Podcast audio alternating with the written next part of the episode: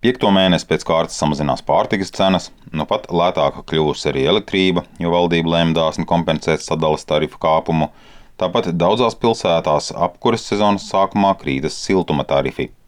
Tas viss kopā radīs apstākļus, ka gada inflācija ir samazinājusies līdz nedaudz virs 3%.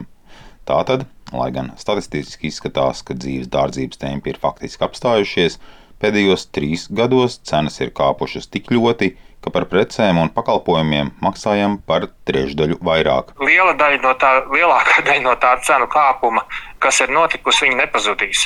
Es pilnīgi pieļauju, ka nākamajā gadā būs kaut kāds periods, kad būs cenu kritums gada griezumā. Tas ir iespējams. Pēteris Strautiņš, bankas Luminor ekonomists, uzreiz piebilst, pat ja cenas kādām precēm kritīsies, tas kopumā neietekmēs būtisko sadārdzinājumu.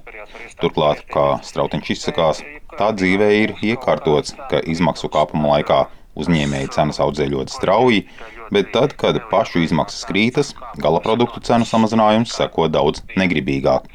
Tāpēc ekonomistam jautāju, vai algas tiek līdzi cenu lēcienam. Latvijā reālās algas auga desmit gadus pēc kārtas, pat sanāk 11 gadi.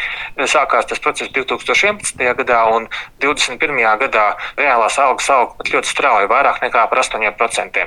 Pagājušajā gadā algas uh, samazinājās vēl drusku vairāk nekā tās iepriekšējā gadā pieauga.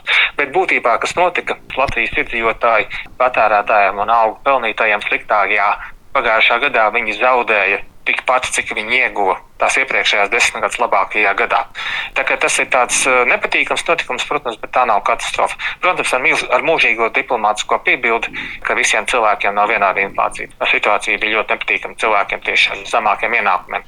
Protams, arī algas ne visiem aug, bet daļai tās kāpj straujāk nekā statistikas vidējie 10%. Taču arī vidējie pielikumi nekompensē pērn piedzīvoto dzīves dārdzību un ekonomisti vērtē, ka pašlaik mūsu pirktspēja ir apmēram tāda, kāda bija pirms diviem gadiem. Izņēmums ir zemo algu saņēmēji, kas ar mazāku vai nekādu darba samaksas kāpumu atļauties var pat mazāk nekā pirms diviem gadiem.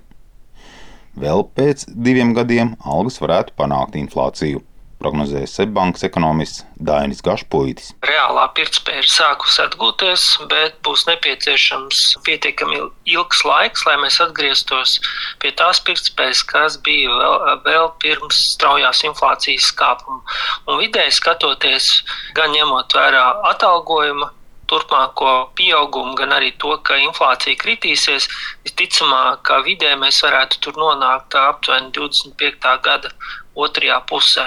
Jā, līdz ar to vēl nākamais gads būs nu, tajā ziņā, ka mēs turpināsim atgūt zaudēto pirktspēju. Ekonomistam piekrīt bankas citadela eksperts un fiskālās disciplīnas padomas loceklis Mārtiņš Āboliņš. Viņš teica, ka algas pašlaik kāpj straujāk nekā cenas, taču, līdzīgi kā kolēģi, arī Āboliņš secina, ka mazāk atalgotie uzlabojumus jūt lēnāk. Cilvēkiem ir zemāki ienākumi, vairāk naudas vai vairāk savu līdzekļu tērē pārtikai un uh, komunāliem rēķiniem, un tie ir auguši straujāk. Tāpēc, teiksim, tā fakts, kā inflācija sanāk, cilvēkiem zemākiem ienākumiem ir bijusi lielāka nekā, nekā tiem, kam ir augstāki ienākumi, jo pakalpojumu cenas nav tik strauji augušas.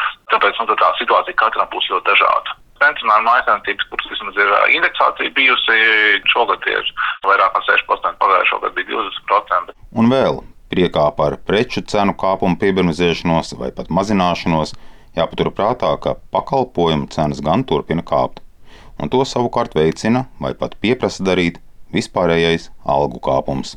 Edgars Kupčs, Latvijas radio.